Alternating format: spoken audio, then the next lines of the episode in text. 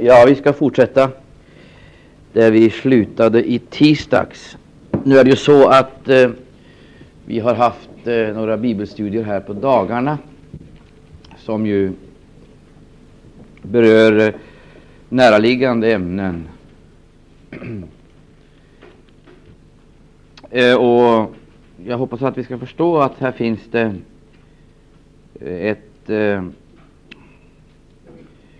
här finns det ett eh, ganska brett register. Alltså det är många ting som eh,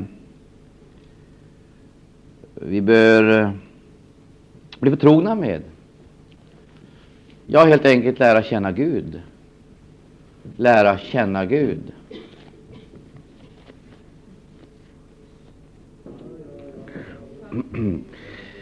Vi har haft Eh, ett eller en enda vers som utgångspunkt i samtliga bibelstudier.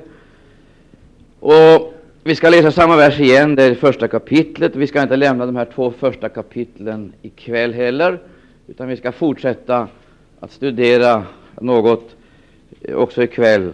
Vidga det här perspektivet så vi ser vad som sker med människan. Men så vill jag stryka under en sak som jag finner väldigt betydelsefull och nödvändig för oss. Det är det att vi lyssnar och lyssnar om. Hör om saker och ting, inte bara en gång, utan två gånger, tre gånger. Och eh, jag vill verkligen betona att eh, ni, ni, tar del av bibelstudiet idag på förmiddagen. Därför att det finns en liten chans åtminstone att man kan eh, kanske korrigera en allmän missuppfattning då det gäller själva frälsningen. Alltså det, jag, jag, jag, en av orsakerna till att så kolossalt mycket blir snett och det beror på begreppsförvirring och förväxling. Och därför vill jag uppmana er att läsa skriftens ord och lyssna till bibelstudiet som vi hade idag på förmiddagen, staten som Gud. Därför att jag skulle vilja säga så här att det mest förföriska, och bestickande och förföriska resonemang som man möter också i kristna led, det är att det skulle finnas en kristen stat eller möjlighet till ett kristet samhälle. Det är en utopi, en lögn. Det existerar ingenting sådant och kommer heller icke att finnas. Det beror på en missuppfattning, och den missuppfattningen den har teologerna konstruerat på ett mycket skickligt sätt. Jag kallar det för den konstantinska kristendomen, alltså, eh, som har auktoriserat och kristnat vissa system framför andra. Hela den här eh, problematiken den är synnerligen allvarlig. Det är därför att vi har sådana märkliga bastarder på, eh, på fältet som den här blandningen av politiska och religiösa aktiviteter. Man, har, man känner inte historien helt enkelt. Eller, och om man känner historien så är det inte, så är det inte, den, så är det inte väckelsehistorien man tar upp, utan det är vanligtvis kyrkohistorien. Och väckelsehistorien och kyrkohistorien, det är två skilda ting. Och jag kan säga mina vänner, vi ska inte ens tro att kristendomen och kyrkan uppträder som, som ident, identiska företeelser i den här striden. Därför att det visar sig många gånger under historiens lopp att kristendomen har haft sin största motståndare, och förmodligen är det principiellt riktigt att kyrkan i kraft av den onda dynamik som finns i alla typer av maktkonstellationer, i kraft av denna onda dynamik så är det sannolikt att kyrkan är och kommer att få bli den mest, Eh, den mest förföriska och mäktigaste motståndaren den levande kristendomen har. Det måste vi lära oss, för det är svårt. Det är svårt det här. Det är svårt när alla använder namnet Jesus och uh, talar gudligt och fromt i kristendomens sak. Och liksom att helt plötsligt stå där på varsin sida om frontlinjerna upptäcka att det som gick hand i hand, till synes så otroligt enade, i verkligheten befann sig på olika sidor utav fronten. Det tillhörde två olika herrar, två olika välden. Jag säger det här som en liten parentes, därför vill jag uppmana er att studera det. Och sen är det naturligtvis viktigt att det här inte blir en död kunskap, som i och för sig är intressant och spännande, utan att den levandegörs genom den heliga Ande och att detta får kroppsligas i våra liv. Ja, vi verkligen betona det här, det är nödvändigt. Och därför så kan jag glädja er med att nu har vi fått kassettmaskinerna. Producera kassetter och bombardera våra sinnen med Guds eget ord. Så ska det väl i alla fall kunna röja ut någonting i detta oerhörda djungel som vi har överst på vind. Ja, nu ska vi gå till Romarbrevet och så läser vi den här versen igen. Men låt oss komma ihåg att vi måste läsa Bibeln, studera ordet. Lägg all annan litteratur åt sidan. Läs Bibeln. Lägg den åt sidan.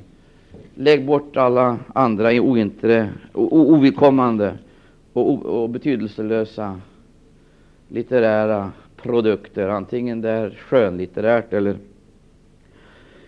för övrigt meningslöst. 17 versen heter det rättfärdighet från Gud. Uppenbaras nämligen därav av tro till tro. Så är också skrivet, den rättfärdige skall leva av tro. Romarbrevet 1, Romarbrevet 1 och 17. Alltså, rättfärdighet från Gud uppenbaras nämligen däri av tro till tro. Och så har vi den artonde versen där det heter Ty Guds vrede uppenbarar sig från himlen. Alltså Guds rättfärdighet, Guds vrede läser vi om. Och i eh, eh den 23 versen där läser jag om Guds härlighet. Guds vrede, eh, Guds rättfärdighet, Guds vrede, Guds härlighet. Och i den 25 versen Guds sanning.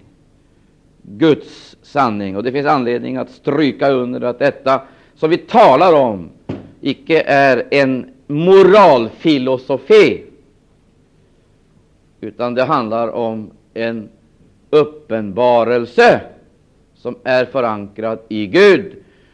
Och nu har vi talat om Romarbrevet, och för att få det här liksom överskådligt och tillgängligt så har vi eh, i rent pedagogiskt syfte indelat hela Romarbrevet i några eh, avsnitt eller delar. Och vi ska få påminna om det. Vi har talat om den första delen, från 1 till 8. Den har vi kallat den dogmatiska, det låter ju vetenskapligt, och lärt eh, dogmatiska delen. Den första. Vi skulle också kunna kalla den med ett annat namn. Och eftersom just de här begreppen kommer igen i den teologiska debatten, man läser i tidningar eller hör teologerna tala om det här. Man kan till och med få höra sådana uttryck i andakter och gudstjänster, så är lika bra att vi tar med det. Vi skulle kunna använda ett annat uttryck för den dogmatiska delen. Vad handlar det om? Det är alltså den läromässiga delen. Men vad handlar det om för ämne? Vad är det för ämne? Vad är det för ämne? Jag tror jag vågar att skriva dit det här.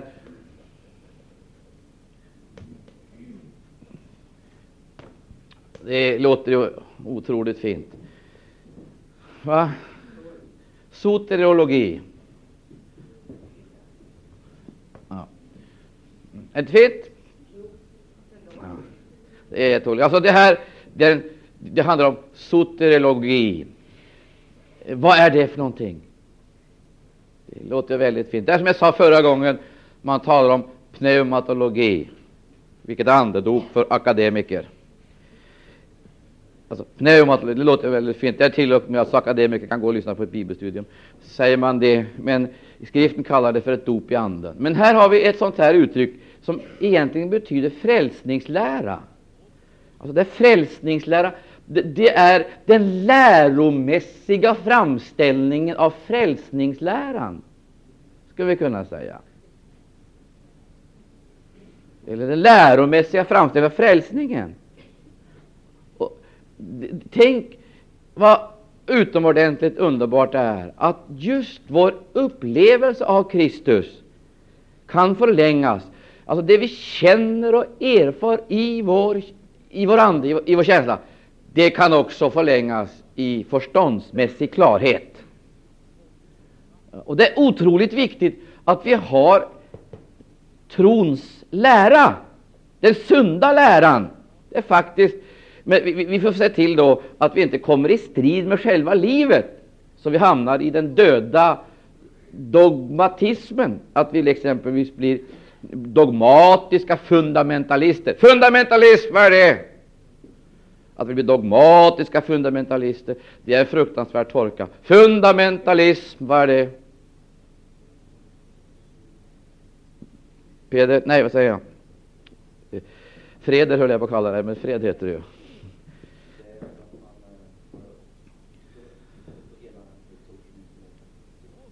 Ja. Vi går väl vidare. Fundamentalism, vad är det? Det är alltså tron på Bibeln inspirerad av Gud.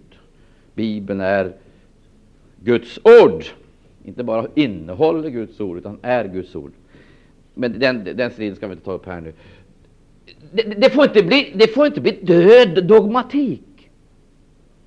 Alltså, då, då, blir det i all sin eh, renlärighet eller ortodoxi, så blir det livsfientligt.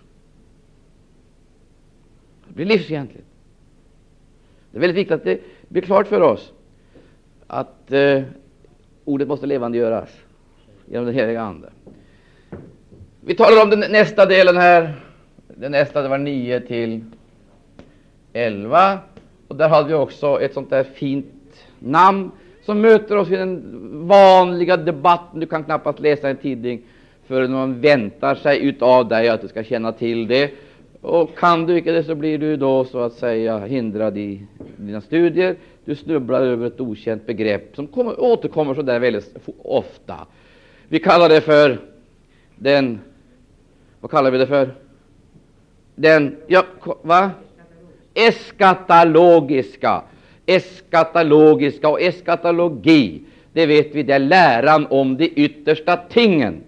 Eskatologiska. Och här skulle jag vilja eh, lägga till, göra en liten, ett litet tillägg till detta. Alltså eskatologiska, det är läran om de yttersta tingen. Och i det här sammanhanget handlar det speciellt om judarna, eller Israels upprättelse. Jag måste säga det, det är få ting som har skakat mig så oerhört mycket som just detta. Jag vet inte vad det beror på, för jag kan inte hitta någon intellektuell förklaring till det. Men jag är skakad i mitt inre. Jag tror att det har en andlig förklaring. Det finns en samhörighet med Guds egendomsfolk. Och den samhörigheten beror icke på genetik, alltså det har ingenting med arv att göra. Det har alltså ingenting med eh, eh, eh, eh något intresse. Och det kan heller inte Eh, anses eh, finnas någon annan förklaring än en rent andlig förklaring. Och jag känner i just dessa dagar eh, ett oerhört vemod, ett lidande i andevärlden. Det pågår födslovåndor, födslovåndor för en fruktansvärd strid som snart kommer att bryta loss, och jag känner det i anden. Jag känner det. Jag känner det också i mitt psyke. Det är ett lidande. Det är Guds egendomsfolk som står inför fruktansvärda kval men det är inte bara detta Guds egendomsfolk som har fått tillbaka sitt land och igen är en fysisk nation. Jag känner att det föreslår våndorna till landets andliga eh, uppväckelse. Väckelse. Ty i, ur dessa födslovåndor ska Messias komma. Ära vare Gud och Lammet. Och också detta folk ska se honom som de har stungit. Och jag må säga, o vilken dag då fridsfursten kommer. Pris Gud. Men jag lämnar den, den detaljen, även om det är gripande och intressant, så vill jag säga till, det finns också här ett rent karismatiskt perspektiv, och jag skulle väl kanske gå in på det, eftersom detta är så brännaktuellt. Det karismatiska perspektivet som sålunda spränger, som spränger gränser. Vi skulle kunna tala om det, det, det gränsöverskridande. Eh, kanske till och med en ny missionssituation.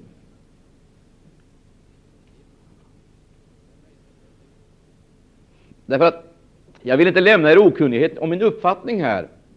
Jag tror inte att Apostlagärningarna 2 och den sista delen där kan tillämpas på någon av de väckelser som vi nu har sett dra över jorden. Det, jo, den kan tillämpas, det kanske var felaktigt att säga, men jag tror inte att den är, den är slutligt uppfylld, vare sig med pingströrelsen eller med eh, de fria väckelserörelserna, som har kommit efter pingströrelsen. kallade det kallade gärna karismatiska rörelser, kallade Jesusrörelsen. Jag tror inte att det är slutet uppfyllt. Och jag tror heller inte, jag tror heller inte att det kommer att slutligt uppfyllas förrän vi ser hela den här profetian slå ut i sin fulla härlighet. Och då är frågan den, det heter, det heter där i Jords profetia 2, i Apostlagärningarna 2, Jords profetia, då heter det därefter. Därefter. När då? När då? Därefter. När kommer Jords profetia att gå i slutlig fullbordan? Tror ni? Tror ni? Vad tror ni? Alltså, det är helt uppenbart att på pingstdagen så var det en del av den som gick i fullbordan. Här uppfylles det som är sagt genom profeten Joel. Står det så? Va? Står det så? Gör det det? Ta reda på det apostlarna. Vi måste skynda oss därför att vi ska se det just det här karismatiska perspektivet här. För att här ligger det nämligen så långt jag kan fatta ett djupt missförstånd. När man till varje pris alltså skall eh, försöka att få de bibliska profetiorna att passa in på någonting som man själv antingen har varit med och, och skapat eller också gärna vill beteckna som en andlig livsrörelse. Och det är inte säkert att det stämmer i alla avseenden. Det kanske är så att man är lite för överambitiös, pressar profetiorna. Om vi läser här i, eh, eh, i, i, i 16 versen. Det heter Här uppfylles det som är sagt genom profeten Joel. Och det ska ske de yttersta dagarna, säger Gud, att jag ska utgjuta min ande över allt kött. Yttersta dagarna, säger Gud, att jag ska utgjuta min ande över allt kött. Och om vi då läser den sista delen av den här profetian, så heter 21 versen, och det ska ske att var och en som åkallar Herrens namn, han ska vara frälst. Men går vi till rotprofetian i Jols, i Joels bok, så är det inte så hundraprocentigt säkert att vi kan säga att här har vi uppfyllelsen av Joels profetia, den slutliga och avgörande uppfyllelsen. Ta fram Joels profetia i det i det andra kapitlet sålunda och i den 28 versen. I den 28 versen.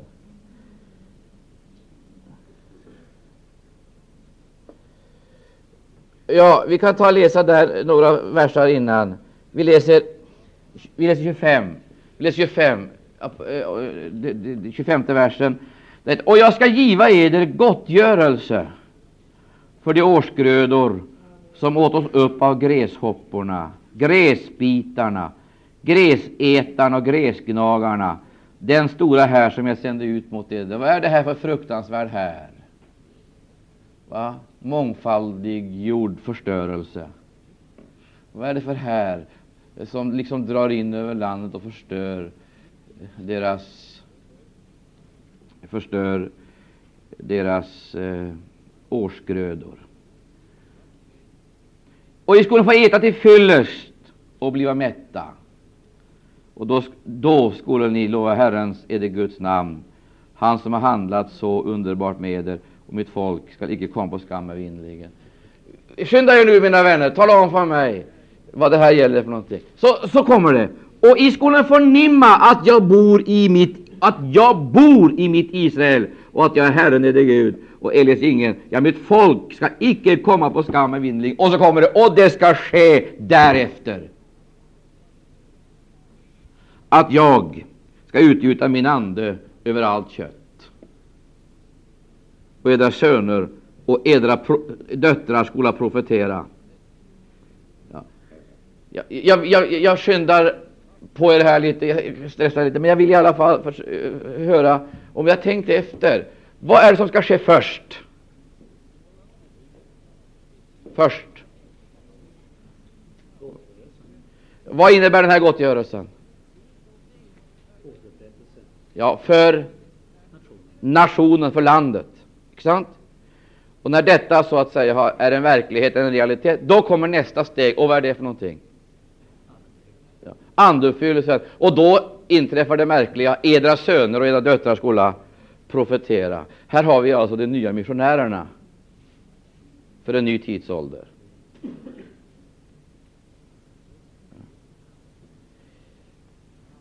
Om jag säger så här nu då. Jag tror inte att den här profetian upp, slutuppfylles under församlingens tidshushållning.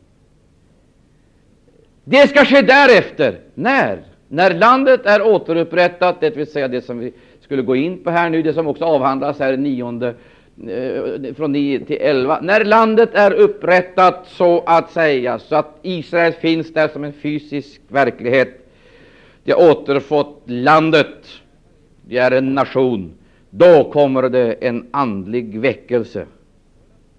Och i samband med det ett märkligt andedop. Det vill säga hela jorden blir döpt i Anden.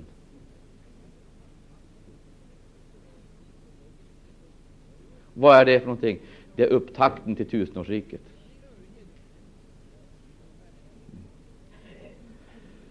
Upptakten till tusenårsriket är det att Jesus kommer till Oljeberget, tar plats i Israel och sen så blir hela den övriga delen av mänskligheten döpt i den heliga Ande. Det är en kvarleva av mänskligheten, bedöpt i den heliga Ande. Hela mänskligheten. Ty då så arresteras Satan. Han arresteras och kastas i fängelse. Amen. Slagen i bojor kastas han i fängelse. Och när han är kastad i fängelse, då är alla spärrar undanröjda och du möter en öppen mänsklighet, men icke bara en öppen mänsklighet, men en fullt, fullständigt mentalt förändrad skapelse. Lamm och lejon står det talas om. Barn och skorpion, höll jag på att säga. Mm.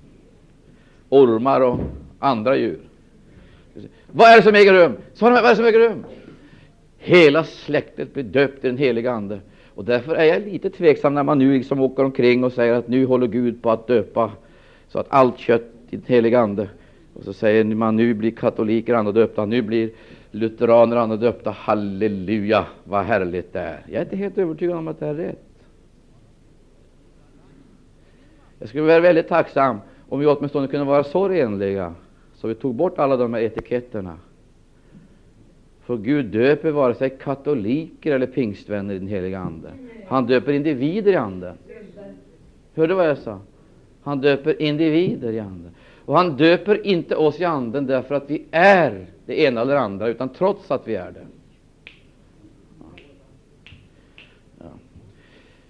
Så vi ska göra klart för oss att det finns inget andedop för som legitimerar något system. Gör klart för att andedopet legitimerar inget system. Andedopet är ingen legitimation för exempelvis katolicism eller protestantism. Och att man blir döpt i den heliga Ande, det är heller ingen som helst legitimation eh, för eh, något som helst system. Inte. Visst inte. Gud döper aldrig samfund i Anden. Han döper individer i den heliga Ande. Men skriften talar om ett jättedop i Anden, då hela mänskligheten helt plötsligt, Gud vare lov, bli frälst. Det ser lite förvånad ut här nu, men det får inte hjälpas. Jag bara säger det här av den anledningen att det här tillhör det här perspektivet, upprätt, med upprättelsen för, alltså med detta för eh, kommer upprättelsen. Och i upprättelsen ligger just andedopserfarenheten. Och den kommer eh, den här skaran eh, få vara med. Och då är frågan den, vilka människor är det då som är på jorden?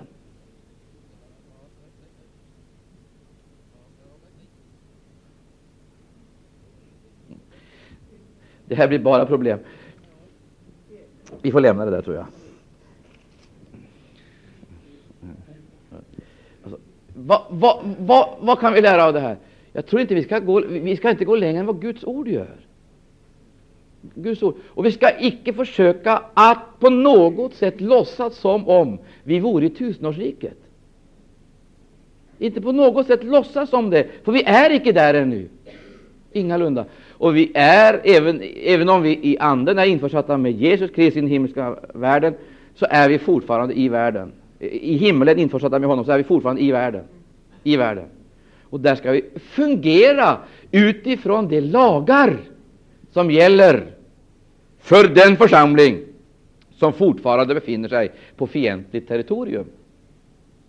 Vad är vi för någonting här i världen? Vad är vi för någonting? Visst, främlingar. Och om du vill förstå främlingskapets inneboende realitet, så innebär det i verkligheten att församlingen är fördold, beslöjad. Hon är en hemlighet och kommer icke att bli uppenbarad för världen och skall icke bli det. För då hon uppenbarar sig eller avslöjar sig för världen, då har hon förvandlats till en sköka. Blottar hon sig för världen och världens storheter eller inleder någon som helst kurtis med världens makter, då förvandlas hon till en sköka. Och då har det ingen som helst betydelse vilken bekännelse som hon så att säga har formulerat för sin kult. För om man nu förklarar honom kärlek i sin bekännelse med sina läppar, men samtidigt går i armkrok med världen, då lever man i otrohet. Och har ingen rätt att göra anspråk på hans frälsning. Det är sant detta. Och det är väldigt allvarligt. Men jag vill ta det här en gång till, därför att för mig är det här så oerhört viktigt. Och jag ska säga en sak, att jag ber verkligen om förbön. Jag känner mig så hjälplös, om ni visste. Så otroligt hjälplös. Vad skulle vi göra utan Jesus? Vad ska vi ta oss till med? Och vad skulle vi göra utan ordet? När vi ständigt alltså frestas av tendenser som vi bär i vårt eget väsen och som förstärkas genom det vi ser hos andra. Va? Inte sant? Vi ser Guds ords verkan. Guds ords verkan, hur Guds ord kan verka, beroende av vem det är som framför det. Antingen så kan det kittla i örat, smaka honung i munnen, vara bittert i buken. En del är nöjda om det kittlar i örat. Andra vill gärna att det ska smaka i munnen. Men de vill inte ha det ned i matsmältningsorganen. Så därför tar de ut lustmomentet. Så tar ut lustmomentet i det. Men vad blir det för någonting utav dem? Det blir ingenting annat än håglösa och kraftlösa,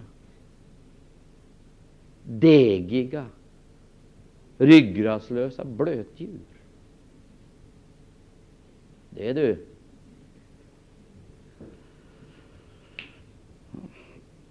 Jag, känner, jag måste säga att jag känner väldigt bra förbön. Gud må hjälpa oss. Gode Gud, att vi blir en församling med andliga kännetecken, med råg i ryggen.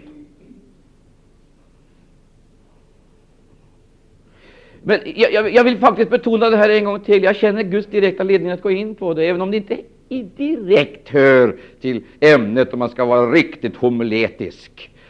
Men i varje fall, det hör till det eskatologiska. Det är frågan om ett karismatiskt perspektiv. Det handlar om upprättelse och ett andedop. Men vi måste lära oss att detta andedop icke ger oss rätt att träda in på områden som Gud har beslöjat eller vidga gränser som Gud har fastställt. Och vi har heller inte rätt att exponera detta andedop eller exploatera det på något annat sätt än det Herren har gett oss befallning om. Vi har fått andedopet för att vi skulle vara vittnen eller martyrer. Vi kommer aldrig att bli kända i världen. Aldrig. Vi kommer aldrig att bli applåderade i världen. Det kommer att gå lärjungen som det gått hans mästare. Hatet emot vår Herre har icke avtagit. Satan har blivit religiös, eller mer religiös, men sannerligen inte frälst. Han är och förblir också i sin nya skepnad, i sin kyrkliga mundering och med traditionens spöklika utrustning, så är han fortfarande Guds ärkefiende. Och han har svurit oss död, det vill säga, han kommer icke att beröva oss vår religion. Han vill gärna ge oss mera religion och ge oss framför allt så mycket religion så vi arbetar ihjäl oss i religionens fruktansvärda kvarnar, tröskkvarnar. Men, mina älskade nådesyskon, det handlar om detta att vara okänd i världen, men inte okänd så att vi får vara i fred, utan vi är uppspårade utav, jag höll på att säga, Satans blodhundar. Och det är en, ett helt koppel av makter, helt koppel utav ondskans andemakter som är på jakt efter oss oupphörligt för att ett eller annat sätt beröva oss härligheten och frånta oss det eviga livet. Jag tycker det här är så skakande. I, nätter, I vissa nätter kan jag inte sova. Jag måste säga det. Gud hjälp oss i denna vrånga värld. Att vi dukar under. Är det så att vi stupar på ett eller annat sätt, så vet vi att du räcker ut din hand och räddar oss om vi anropar dig.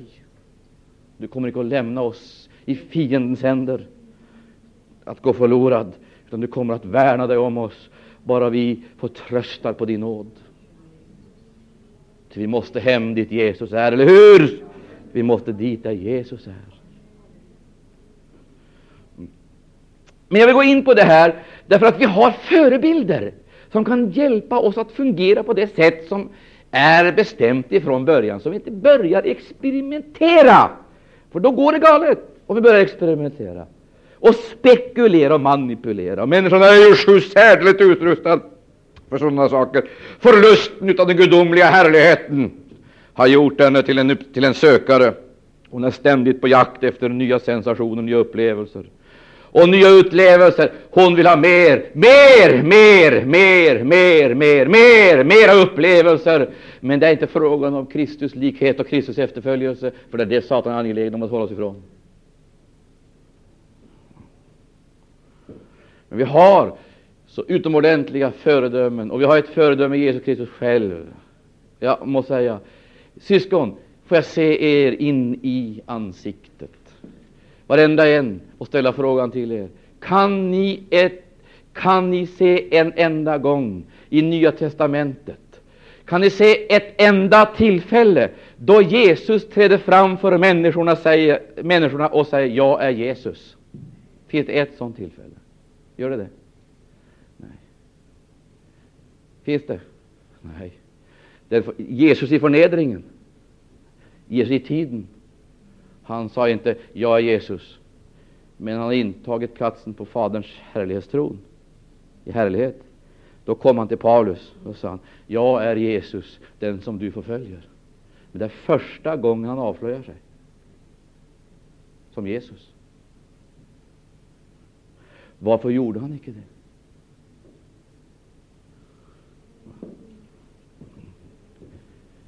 Du, det fanns Jesus nummer ett och Jesus nummer två och Jesus nummer tre och Jesus nummer fyra.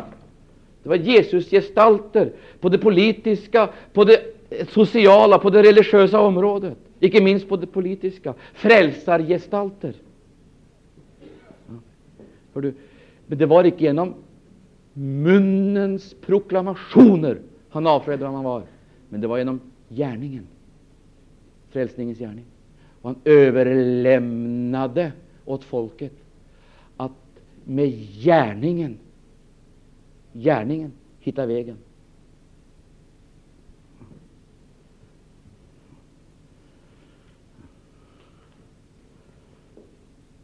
Hörde vad jag sa? Det var gärningen. Tron för själva gärningens skull. Han tog inte upp konkurrensen med de här frälsargestalterna som Israels historia var så rik på. inom olika områden fanns det sådana här gestalter. Och vet ni vad han säger? Han säger så här människan i den yttersta tiden ska försöka mana fram en av Människosonens dagar. Sa han inte det?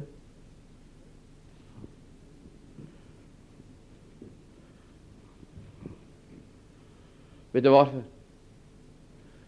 det ska uppstå Jesusgestalter. Jag höll på att säga överallt. Som ska säga, se där är han. Se där är han. Se där är han. Se där är han. Man ska lyssna till deras proklamationer och också ta del av deras, deras verksamhet på många olika sätt.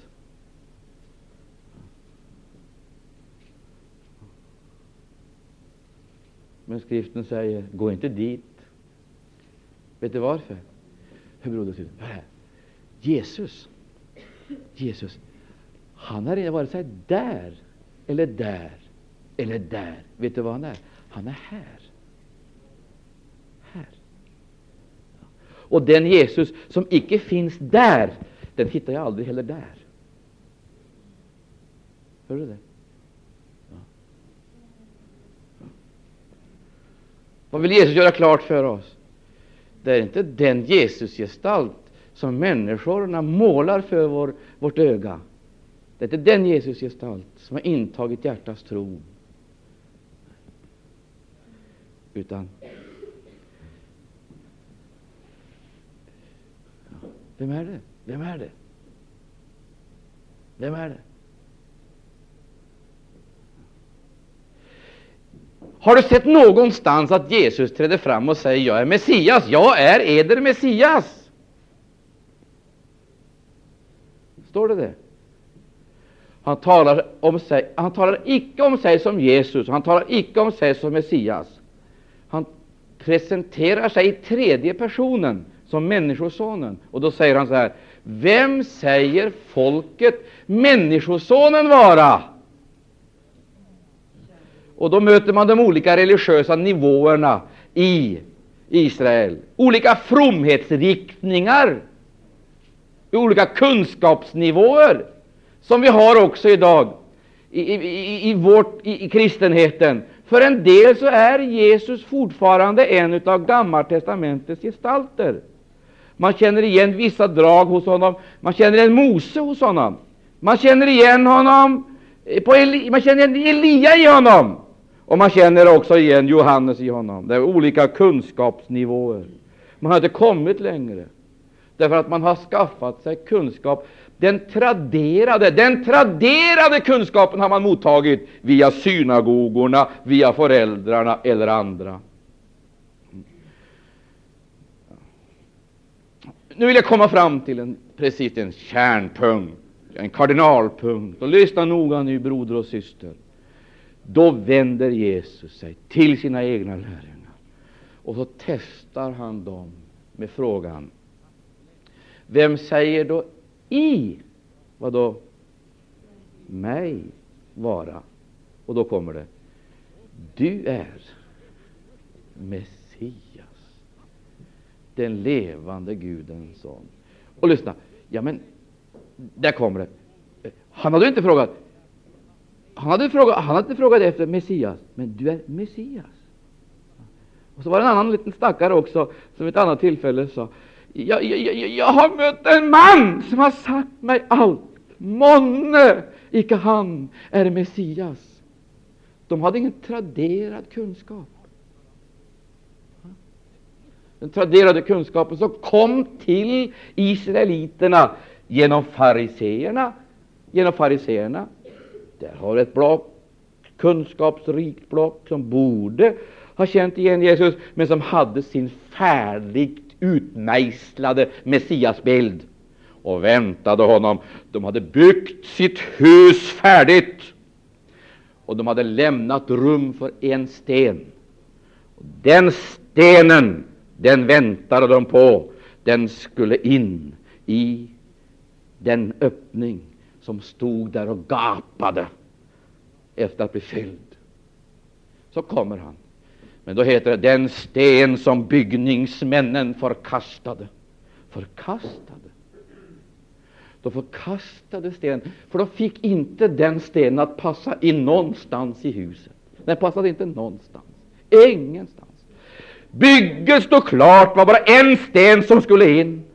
Och de gjorde allt vad de kunde för att få den här stenen att passa, men det fanns inga möjligheter att få den in. Den passade icke på längden, icke på bredden, icke på djupet och icke på höjden.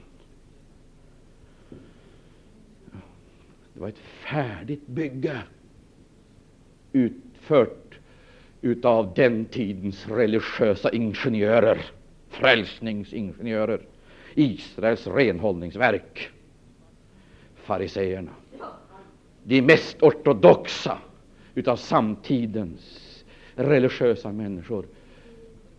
Det sannerligen hade de ett bygge färdigt.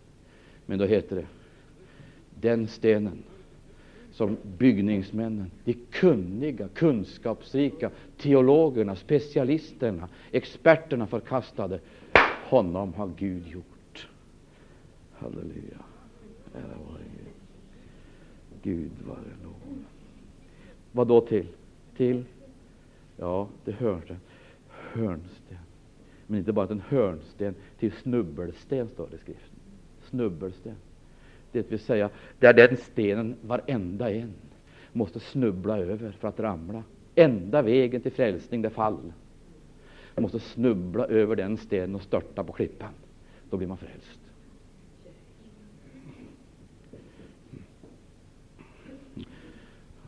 Käre Gud. Det är fint det här du.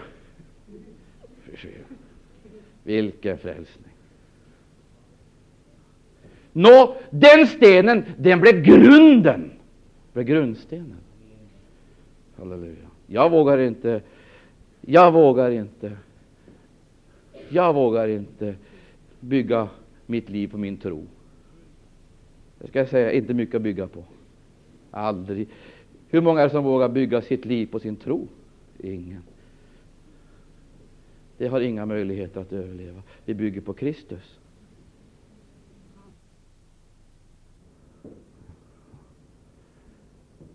En annan sak vill jag säga till dig. Och då, då börjar ett nytt byggnadsverk. Det är församlingen. Han blir grundsten och så blir han hörnsten. Grundsten, grundsten, hörnsten och slutsten. Begynnelsen, fortsättningen, utformningen och avslutningen. Han begynner. Efter allt detta måste byggnationen så att säga inriktas, fullbordas. Så avslutas det därigenom att han blir slutstenen. Åh, då ska det ropas i de eviga höjderna, som vi sa på förmiddagen idag. Nåd, nåd må vila över den, när slutstenen förs fram och huset står färdigt. Gud vare evigt lov detta tempelbygge. Halleluja! Skapelsen, den eviga skapelsens största härlighet.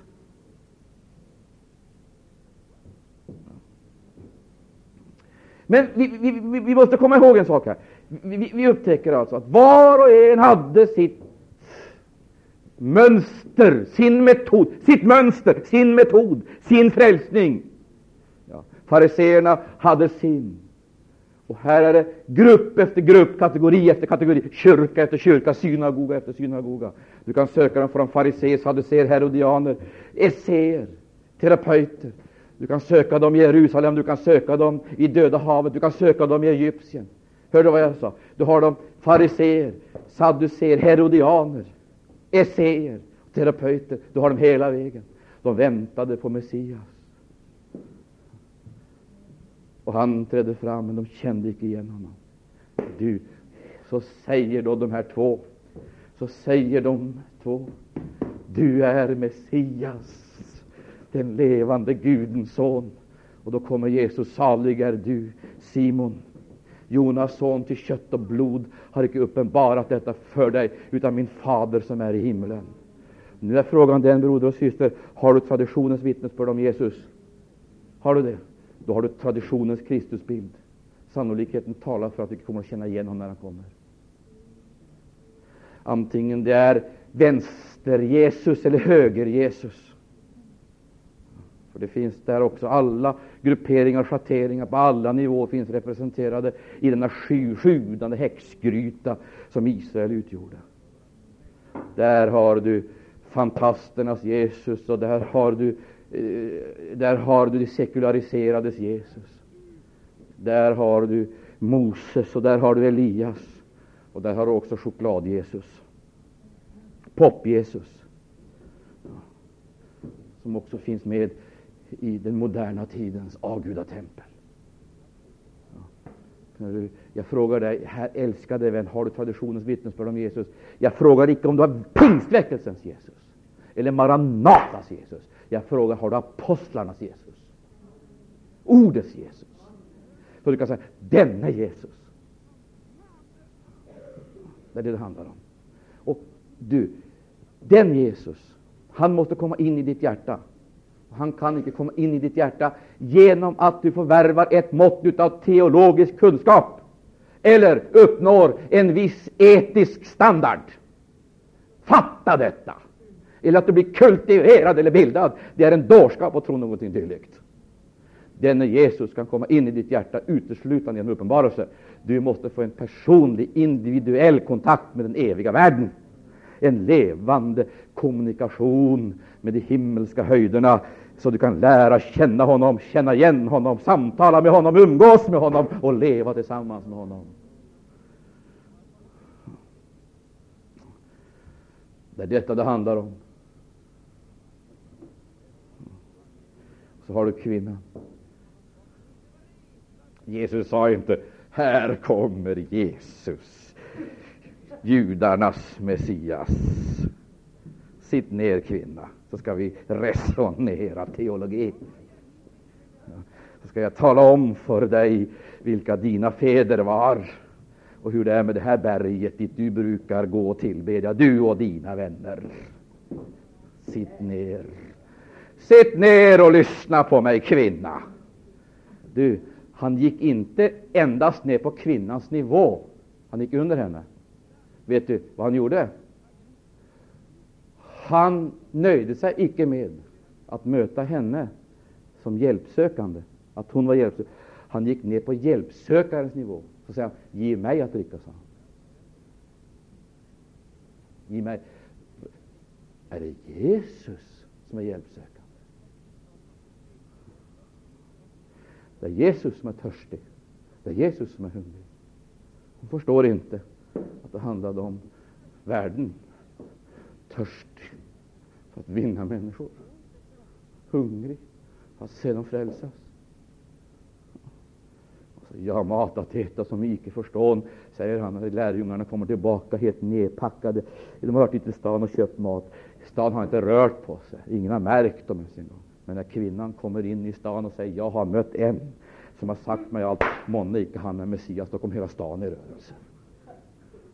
Tolv, lär, tolv apostlar förmådde icke åstadkomma någonting. De var inne för att köpa mat.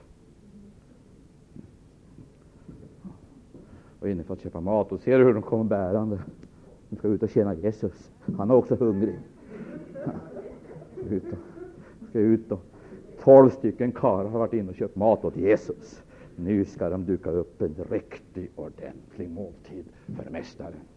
Vad får de se? Då sitter han då, på brunnskan och samtalar han med en kvinna.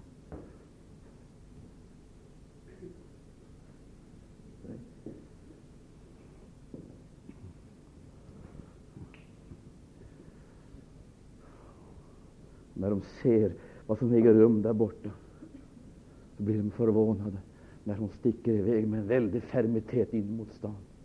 Och när de själva kommer fram till Jesus utspelar sig ett samtal mellan Mästaren och lärjungarna. De undrar, kan någon ha varit och gett honom mat? Kan någon ha varit och gett honom mat? Då? Är inte intresserad av allt vad vi har gjort för att mätta honom. Tycks inte alls uppskatta våra insatser speciellt. Här har vi löst hela den sociala problematiken i ett enda ögonblick, kommer med allt vad vi har åstadkommit och arbetat ihop. Men han tycks inte vara det minsta intresserad av att vi har skaffat mat åt hela skaran. Vad är det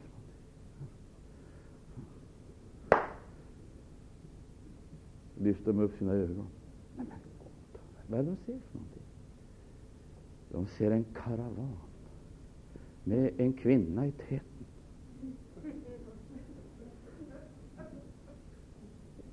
De ska ut till Jesus. Månne han är Messias. Vad hade skett? Han hade träffat henne mitt i hjärtat.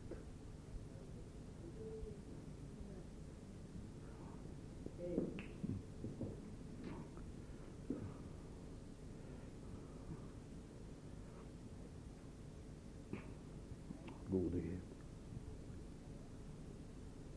Vad var det när han inledde det här samtalet?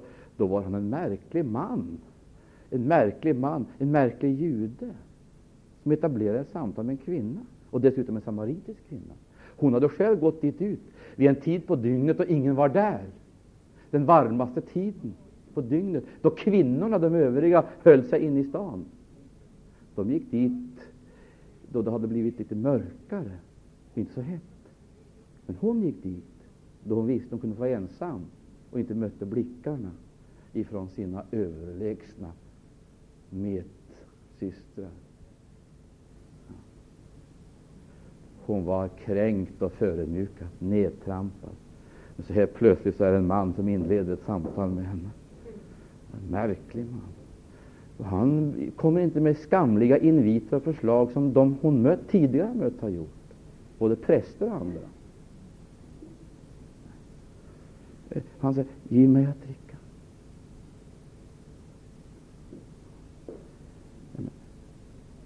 Då blir den här märklige mannen en profet. En profet. Först hör du, möter hon Jesus som en människa, som en medmänniska. Sen så upptäcker hon, han är en profet. Nej men, så ser hon ännu mer, månne han är Messias, rent av.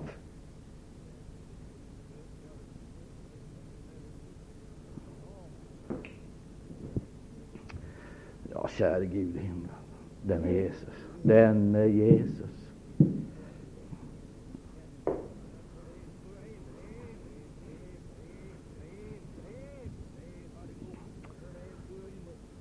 kommer hela stan på fötter som vi vet och samlas där ute vid brunnen och det blir ett underbart frälsningsmöte. Och då säger Jesus de här märkliga orden. Jag har mat att äta som ni icke förstår. Han lät kassarna billigt talat stå. Så såg han skörden som stod där vit på bergen.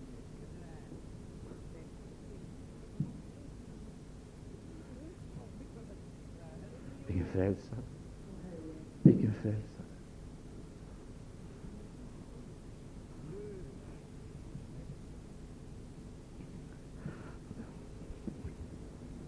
Han kom icke för att ge oss lite brödföda. Han kom inte heller för att ge oss ett bespisningsunder. Han kom för att ge oss sitt eget liv till frälsning. Han kom icke för att försöka att eh, lindra lite av sociala nöd.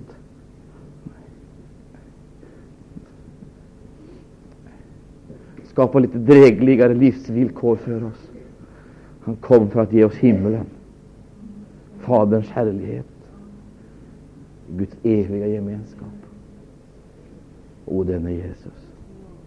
Men jag vill säga det till dig. Kött och blod har inte uppenbarat detta för dig, Petrus, utan min fader som är i himmelen.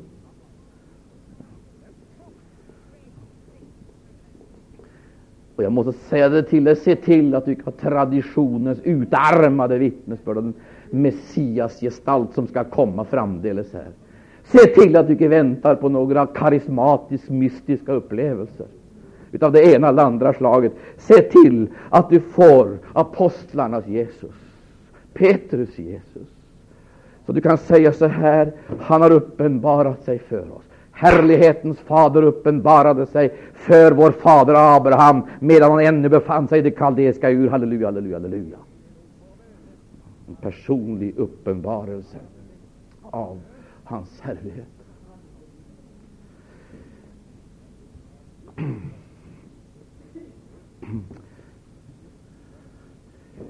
Se till att du inte heller lever på andras upplevelser och välsignelser.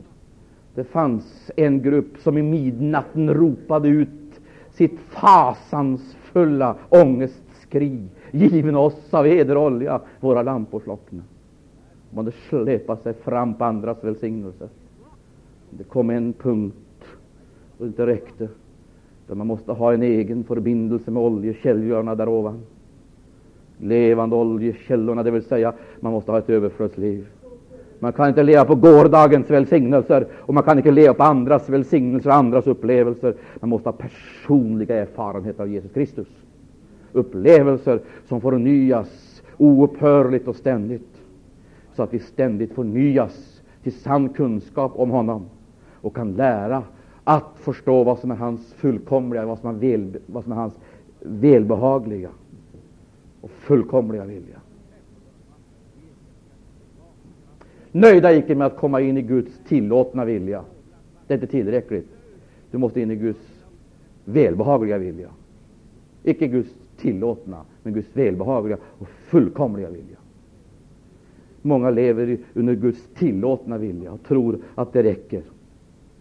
Som Sauls samtidigt som ropar om en konung därför att de vill bli lika alla andra folk. Och Gud tillmötesgår dem och de kommer in på det område som kan kallas Guds tillåtna vilja. Men det var inte Guds välbehagliga vilja. För Saul skulle inte vara deras konung. Gud skulle vara deras konung. Se till att du inte får en Saul mellan dig och Gud. Vi har en medlare, en mellanman mellan Gud och människa. Han heter Jesus Kristus. Halleluja, och det räcker. Kom in i Guds fullkomliga vilja, människa, och lev där i förnyelsens andeström och livsström. Gud var helig. Lev icke på andras välsignelser. Värm dig icke heller vid främmande koleldar när det blir kyligt omkring dig. Sätt dig icke ner vid främmande koleldar. Börja icke diskutera vem du är eller vem jag är. Gör klart för dig en sak, att församlingen är beslöjad. Den är beslöjad brud i tiden. Och vi gör som Jesus. Vi ropar icke ut så förfärligt mycket om oss själva. Han sa inte jag är Jesus eller jag är Messias. Det var någonting som vittnade om honom, det var gärningarna. Låt oss se till att det icke är munnen, så att hela vår frälsningsupplevelse sitter i truten. Det spelar ingen roll om vi kan sjunga vackert om Jesus. Sjunga så där svänget, gripande och sentimentalt så människor blir lite upplivade i de nedre regionerna i bröstet. Det är inte det det handlar om.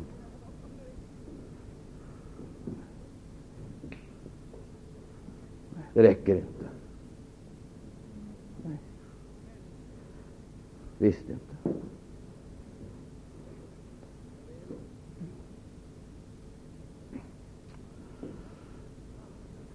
Låt oss reducera oss till det vi är, reducera oss till, till rätta proportioner. Då ska du se gärningen ska bära vittnesbördet. Halleluja. Halleluja. Det är en hemlighet på jorden. Men så rätt vad det är, så brister slöjan.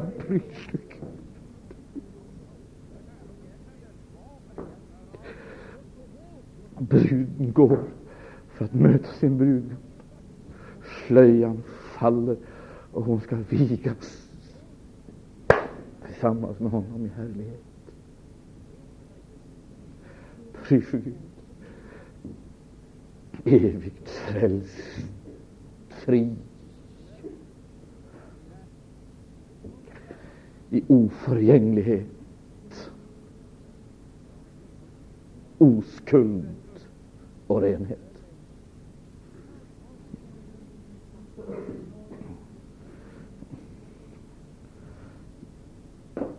Församlingen kommer att vara en hemlighet i tidsåldern.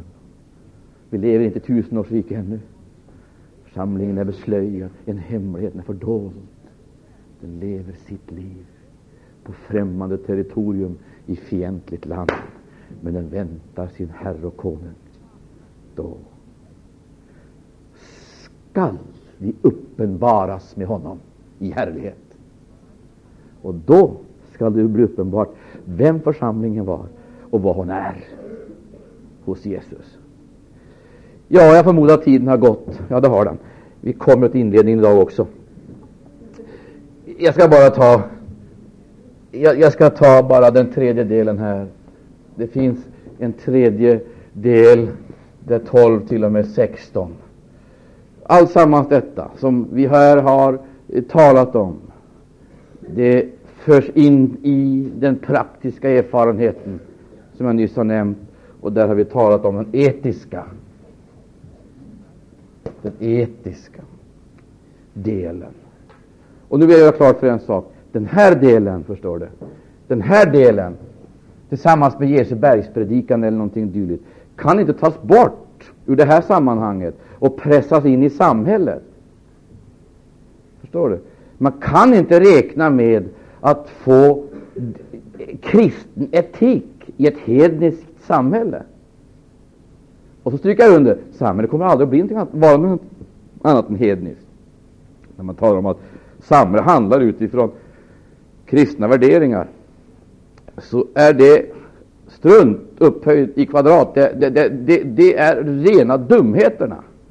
Därför det finns inga som helst möjligheter för ett samhälle att något, på något sätt, med någon som helst mening, så att säga, förverkliga kristna värderingar. Du, jag ska säga dig en sak, broder och syster, det är knappt att församlingen orkar med det.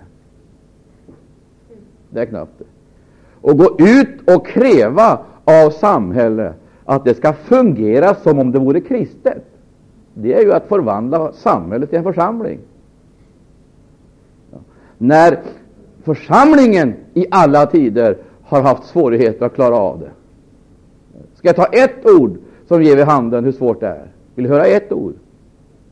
Jag skulle tro det, att skulle vi vara ärliga här, så måste vi stå upp inför Gud, Fadern, och bekänna att här har vi snubblat många gånger. Inte bara i det ögonblick vi kom till tro, snubblade vi, gick på näsan och riktigt så att säga störtade mot klippan. Tänk så många gånger vi har snubblat just över den här hemligheten.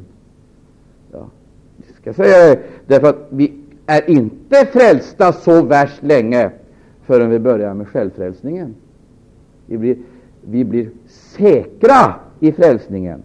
Vi blir så säkra så vi tycker att vi nästan kan klara helgelsen med lite egna insatser. Och vi gör det också. Ja, det är hemskt. Och vet ni vad vi gör för någonting? Vi blir så frälsta så att vi till och med blir experter.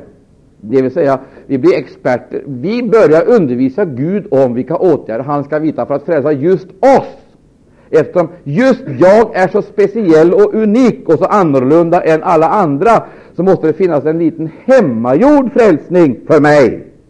Jag är inte så till psyke och temperamentet och traditionen och miljön. Jag vet inte. Så adderar vi ihop en massa saker som är speciella, unika och originella. Och så får vi någonting riktigt utomordentligt utsökt.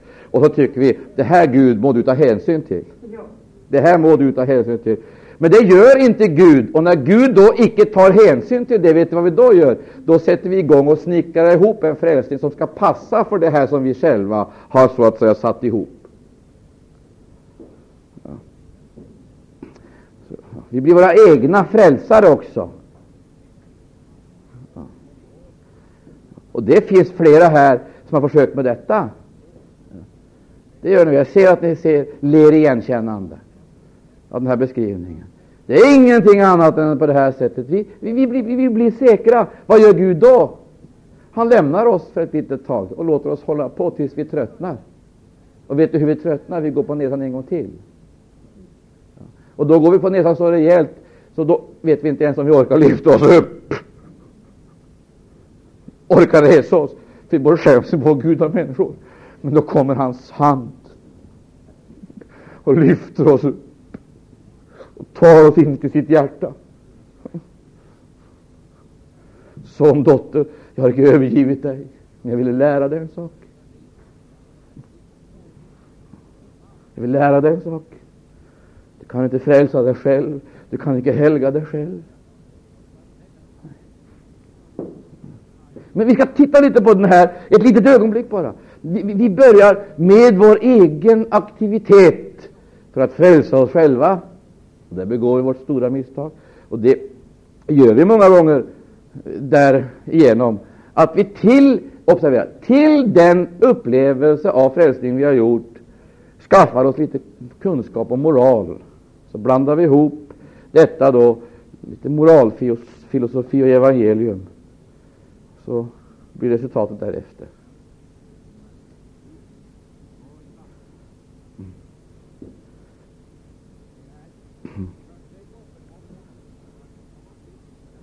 För att illustrera det här med, eh, med några händelser i skriften. Där Jesus, vi har talat om Jesus, Peter, Jesus och, och, och, och kvinnan, samariska, samariska kvinnan vid, vid, vid Jakobs brunn. Illustrera det. Det står om en kvinna som trängde sig fram i hopen, räckte ut sin hand och rörde vid hörtofsen av hans mantel. Hon kände att en kraft gick ut ifrån honom och i ett enda ögonblick så blev hon helbrägdad jord av botad. Det står det. Har du läst det? Men vi ser i samma kapitel, tror jag till och med där, där ser vi en annan stackare som tillsammans med sina bröder har tvingats, ut tvingats in i en situation som han visste skulle gå galet. Så pass kunnig var han. Han var yrkesfiskare. Han visste nog hur den här sjön brukar reagera och hur farlig den var. Och när Jesus nödgade dem fara över till andra stranden så hade de sina protester. Han ville tvinga dem iväg. Han tyck, de tyckte samtliga att det var olämplig tidpunkt att sticka iväg ut på sjön, men Jesus ville tvinga dem in i en nödsituation. Sån är han. Alltså, han, du, han tar oss inte ur prövningen, men han leder oss in i den. Ja, men Jesus, du borde ju ha vetat att det här är en farlig tid. Och du vet ju hur oroligt det här havet är och vilka riskmoment som finns. Han tvingar dem. Så vi kan upp på berget och så följer han dem i kampen mot elementen. Så börjar han sin vandring. Alltså, Det som såg ut att döda dem, det vandrar han på.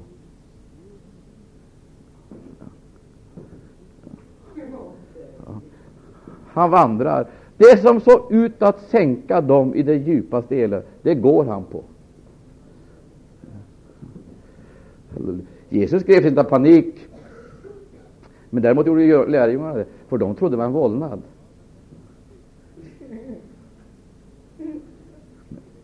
Förstår du? Det finns mycket att säga där. Va?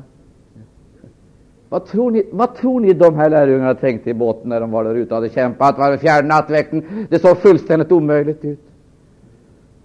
Vad tror du? Då kommer han. Nej, men det ena eländet är värre än det andra. Gode Gud. Det ena eländet är värre än det andra. De stirrar på varandra. De ser på det som rör sig. Det kommer närmare. Närmare. De stelnar och skrek. Men då känner de igen honom. Helt plötsligt känner de igen honom. Nej, men Herre, Herre är det du så bjud mig komma till dig på vattnet.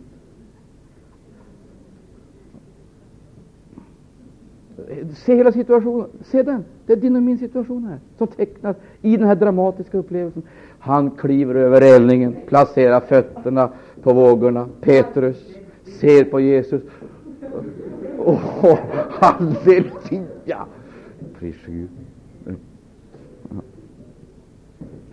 Han går för att möta honom. Ser du där, i ett ögonblick av total uppgivelse. Total uppgivelse. Det, det förstår du ju. Tänk dig, tänk dig, där hade de brottats nu med elementen så länge så han tänkte naturligtvis att hellre sitta här och gå under så kan man ju kasta sig rakt ut i faran. Så får det bli vad det vill då. Håller det så håller det. Sämre än vad det nu är kan det i alla fall inte bli. Så gick han på det. Jag är inte helt övertygad om att det var hans väldiga tro som gjorde det, utan det kanske var hans rädsla. Det är bättre att springa till Jesus och vara hos honom om det skulle ske någonting och sitta tillsammans med de här, för de är ju verkligen... ja. Ja. Ja. ja. ja. Situationen är ju så. Det, det, är ju det är människor det handlar om. Det är så vi reagerar. Är det inte så? Visst är vi sådana? Ja. Det är precis så är vi. Inte är det vår fromhet och vår helgelse som driver oss till Jesus. Vi springer dit i rena paniken. Vi måste skynda oss, för det här går i alla fall under. Det är bättre att det går under då i alla fall på ett sådant sätt så att man kan ha en viss vila och frid inför det hela. Ja, bättre att gå under i närheten av Jesus än tillsammans med reda lärjungar. Jag är helt övertygad om att det inte var någon sån överväldigande tro som helt plötsligt grep honom att nu Jesus, nu ser jag det, nu ska jag komma. Det tror inte ett enda ögonblick. Det var ingenting annat än djup rädsla. Han var rädd. Han var rädd för lärjungarna, han var rädd för vattnet. Han var rädd för sig själv, han var rädd för alltihop. Han såg som en sista räddning att springa till Jesus, han som nyss hade tett sig som en vålnad för dem. Det var sanningen det. Jag känner igen dig Petrus. Och vet du, jag känner igen dig Petrus. Du speglar mitt eget. Sådana är vi. Och vad gör han? Han sätter foten på vattnet och det bär. Vad sker då? Vad sker då? Ja, Petrus blir naturligtvis överraskad. Han blev verkligen överraskad och chockerad av det som hände. Han blev verkligen överraskad. Bär det? nej, nej.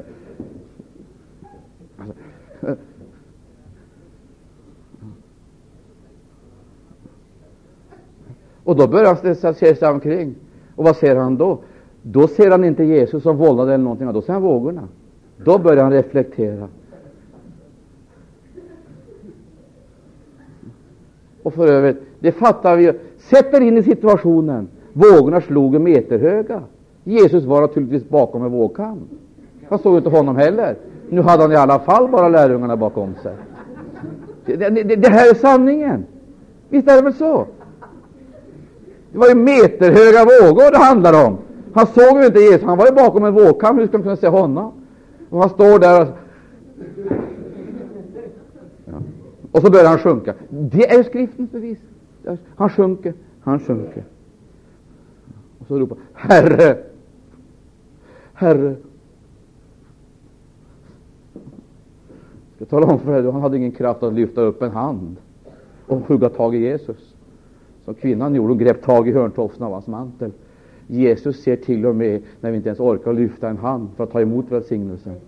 Vet du vad han gör då? Då kommer han med sin hand. Och så griper han tag i honom. Haha, du Petrus. Käre gode Gud. Så lyfter han upp honom. Så tar han honom vid handen. Kom Petrus, vi går tillbaka till de andra. Så går han in i botten igen. Och så säger han Tig! Var stilla. Och ett enda ögonblick så vandrar stormen till lugn. Du, jag ska säga det, stormen där ute, elementens kaotiska, ohyggliga kraft som slog emot botten var nog fruktansvärd. Men stormen i deras bröst, det var mycket värre. Det var mycket värre. Jag tror att det inte är någon tillfällighet att skriften drar en barmhärtighetens slöja över samtalen som de där hade i båten. Ska jag säga. Du kan skriva upp att det var inget speciellt goda ord om Herren som hade skickat iväg dem och lämnat dem ensamma. Jag känner igen Thomas. Förstå vilket bibelstudie.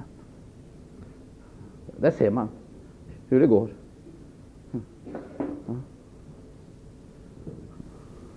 Och inte ha hjälp av gårdagens erfarenheter. De har nyss varit med om bespisningsundret och delat ut mat åt 5 000 människor av ingenting. Men de kunde komma och säga Nu har vi varit med om under och i kraft av det vi upplevde igår så ska vi besegra elementen. Du möter inte dagens problem med gårdagens erfarenheter. Det som löser problemen det är inte de erfarenheterna du gjorde igår, utan det är Jesu närvaro. Bara det.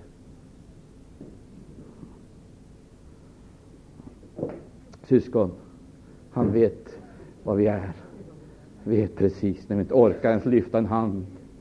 När vi tycker vi sjunker alltsammans och ramlar för oss, så griper han tag i oss. Ja. Lyfter han upp oss, får oss i båten. Halleluja.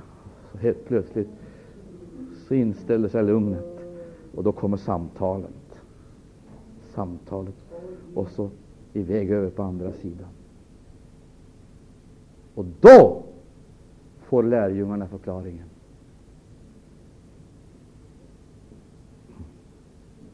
Då får lärjungarna förklaringen. Vad möter de? Den besatte mannen.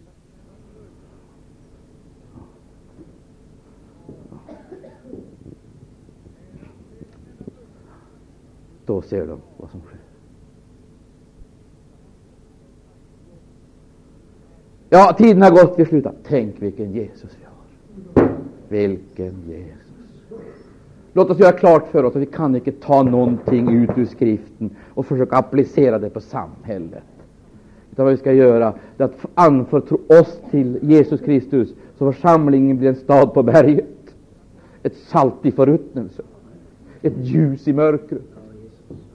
Vi är icke någonting i oss själva så vi kan säga vi har lösningar, kom till oss. Låt oss leva som Jesus visade oss vi skulle leva. Icke proklamera så väldigt mycket, utan leva i, jag höll på att säga anonymitet. Då det beträffande proklamationer och demonstrationer, så gärningen får bära vittnesbörd om att Jesus är ibland oss. Ty det är icke våra det är inte kontakten med dig och mig människorna behöver vara med om. De behöver möta vår frälsare. Vår frälsare och lära känna honom. Det han är underbar. Amen. Det är någon som tackar Jesus. Vem som helst.